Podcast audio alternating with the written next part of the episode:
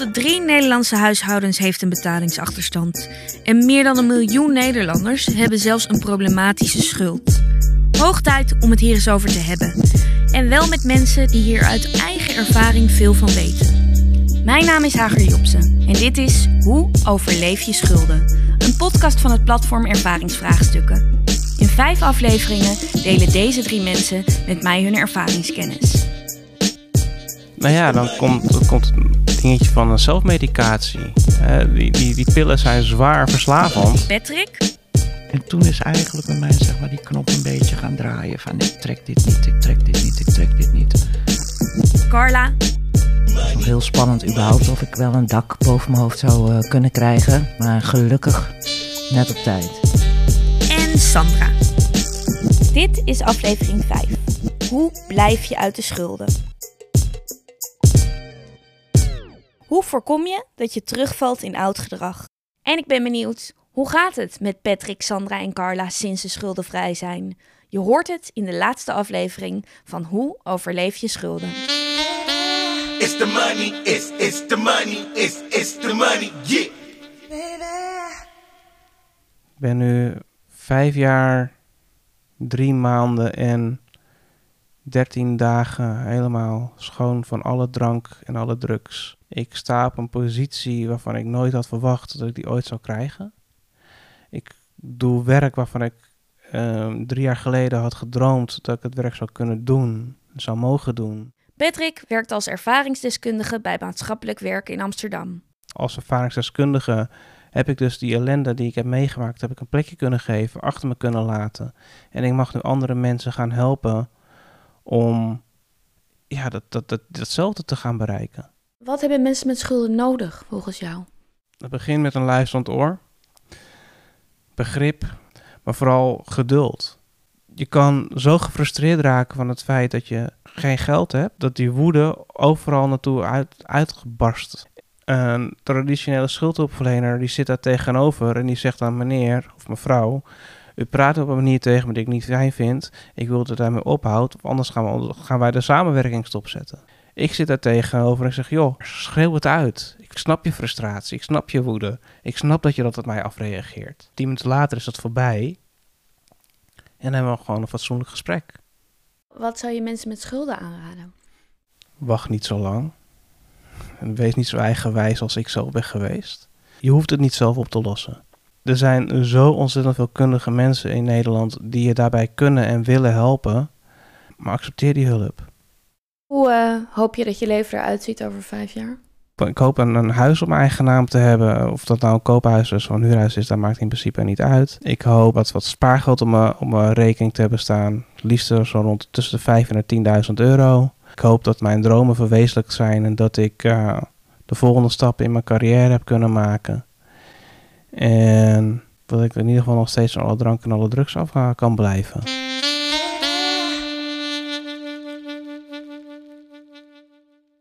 Money, Sinds Patrick geen alcohol en drugs meer gebruikt, is hij niet meer zo bang om terug te vallen in de schulden. Voor Carla ligt dat een beetje anders. Ik zit bij Carla op de bank. Op de salontafel staat een schaaltje paaseitjes. Ik kon de verleiding gisteren niet weerstaan. ik liep langs de Chamin en ik zag die paaseitjes. En daar stond een hele gigantische collectie. En precies de smaken wat ik lekker vond. Ik dacht, nou, ik neem gewoon even wat mee. En ik kom bij de kassa. Had ik ze bijna teruggelegd, want het zakje was ondertussen 5 euro geworden. maar ik denk, nou, kom op, we kunnen bijna schelen voor die ene keer. Want zijn dat dingen waar jij nog steeds heel erg op let? Ik ben uit de schulden, maar ik, heb, eh, ik sta nog steeds onder bewind. En dat is met, eh, eh, ook vanwege een beetje psychisch, omdat bij mij de, een aantal maanden geleden, ik maak mijn brievenbus open. En ik zie in een blauwe envelop in mijn brievenbus leggen. Ik denk, dit kan niet. Want ik stond op dat moment nog bij de WSNP onder bewind. Dus ik krijg daar geen post van. Op het moment dat je onder bewind staat, komen er geen rekeningen in je brievenbus. Dat gaat namelijk allemaal via je bewindvoerder. Toch schrikt Carla zich wezenloos. Ik zeg je heel eerlijk, mijn hart zat in mijn keel. Ik heb mijn bewindvoerder in paniek opgebeld. Ik zeg tegen hem, ik zeg, nou, ik zeg, ik weet niet wat dit is hoor. Ik zeg maar, ik zeg, ik trek dit niet. Ik zeg, zodra ik die brievenbus open doe. Hij zegt, dat komt omdat het heel diep zit. De brief had inderdaad niet bij Carla in de bus moeten belanden. En dat is dan ook een van de redenen dat Carla nog steeds vrijwillig onder Want dat bewind betekent staat. eh, dat je nu nog onder bewind staat dat jouw bewindvoerder jou geld geeft. Ja, ik sta nog steeds gewoon elke week op 50 euro in de week. Maar als ik wat nodig heb, als ik nou bijvoorbeeld, eh, ja, nu mijn kleinkinderen zijn jarig, dus ik heb extra geld gevraagd om op te Waarom sturen. heb je ervoor gekozen om onder bewind te blijven? Nou, eh, ook de ervaring wat ik dan heb met het werk in de buurtwerkkamer. Dat als je uit de bewind gaat en uit de WSMP en je wordt gelijk in het diepe gegooid, 9 van de 10 mensen die denken meteen weer we zijn miljonair. Je bent geen miljonair. En met een uitkering zal je dat ook nooit worden. Carla komt rond van een bijstandsuitkering. Vanwege fysieke problemen is ze niet in staat om te werken. Naast de bijstandsuitkering krijgt ze nog 75 euro per maand voor het vrijwilligerswerk wat ze doet bij de Multibron.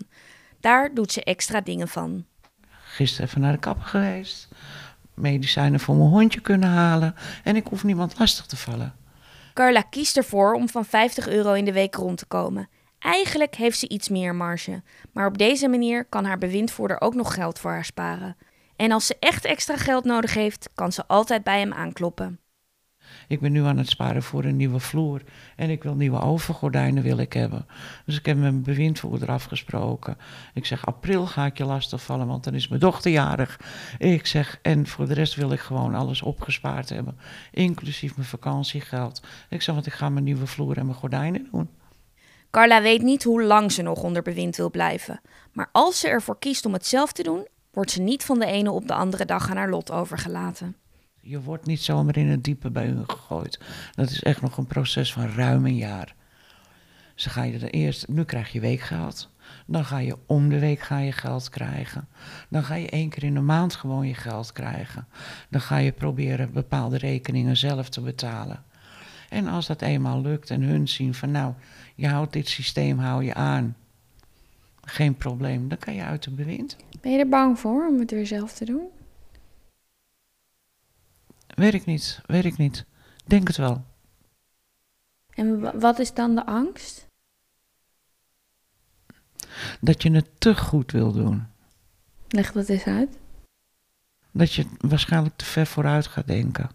En dat je jezelf dan weer tekort gaat doen omdat je te ver vooruit gaat denken. Je niks meer uit durft te geven. Ja. Dat je zo bang bent dat er toch Ja. misgaat. Ja, kijk, nu weet ik, er is een buffer voor me. Als DWI of er is ergens een kink in de kabel met de afkloppen, mijn televisie gaat stuk, dan weet ik, volgende week staat er een nieuwe. Want jouw bewindvoerder heeft Ja. een potje. Ja, en dat geld, het is er dan wel.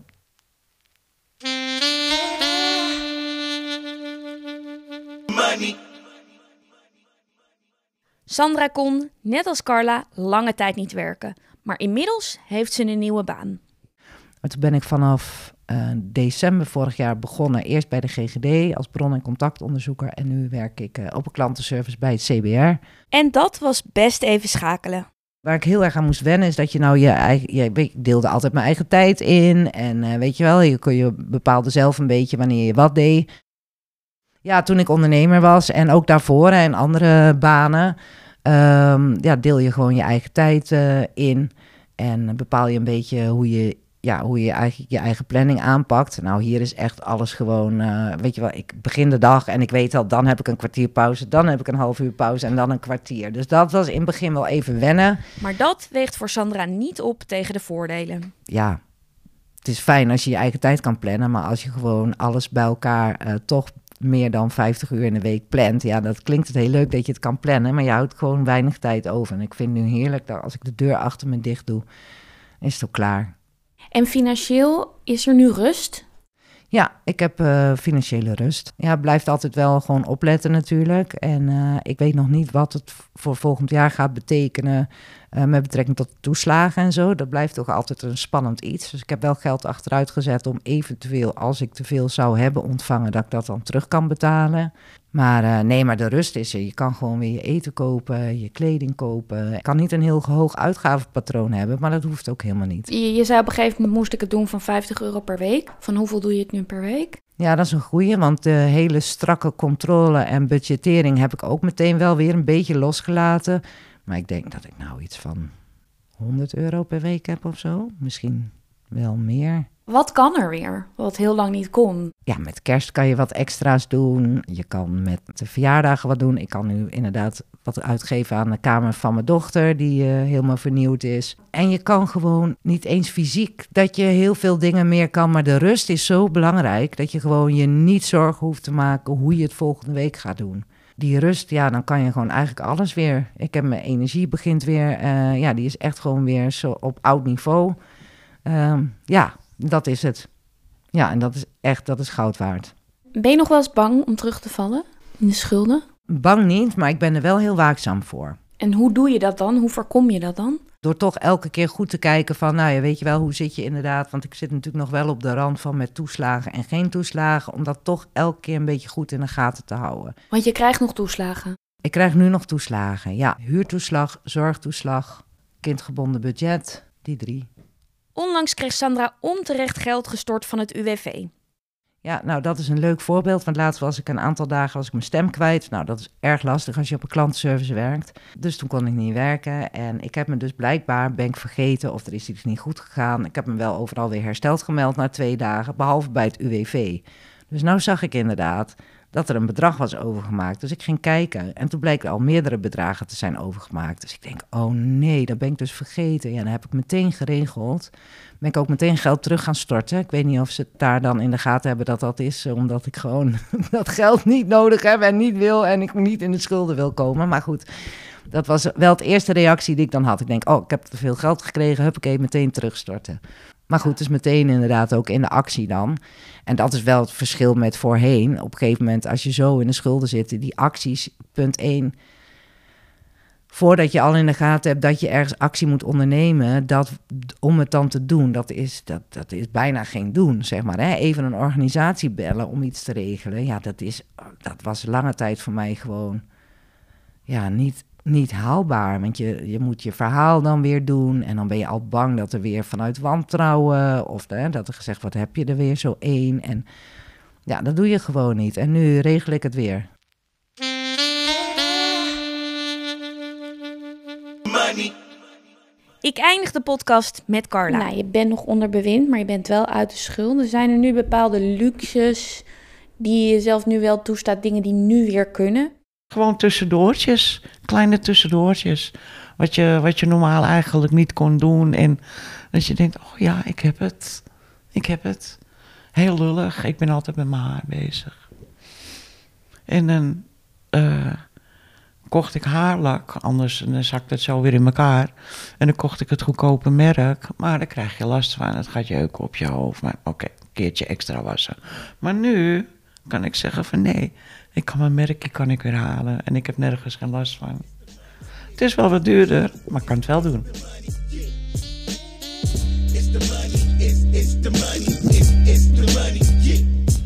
Dit was de allerlaatste aflevering van Hoe overleef je schulden? Een podcast van het platform Ervaringsvraagstukken. Hier vind je nog veel meer ervaringen met schulden. Van hoe je erin komt, tot hoe je eruit blijft en alles wat daarbij komt kijken. De podcast is gemaakt door mij, Hagar Jobsen. De eindmix is gedaan door Robin van Gelder van Nieuw Geluid. Leuk dat je luisterde en tot ziens.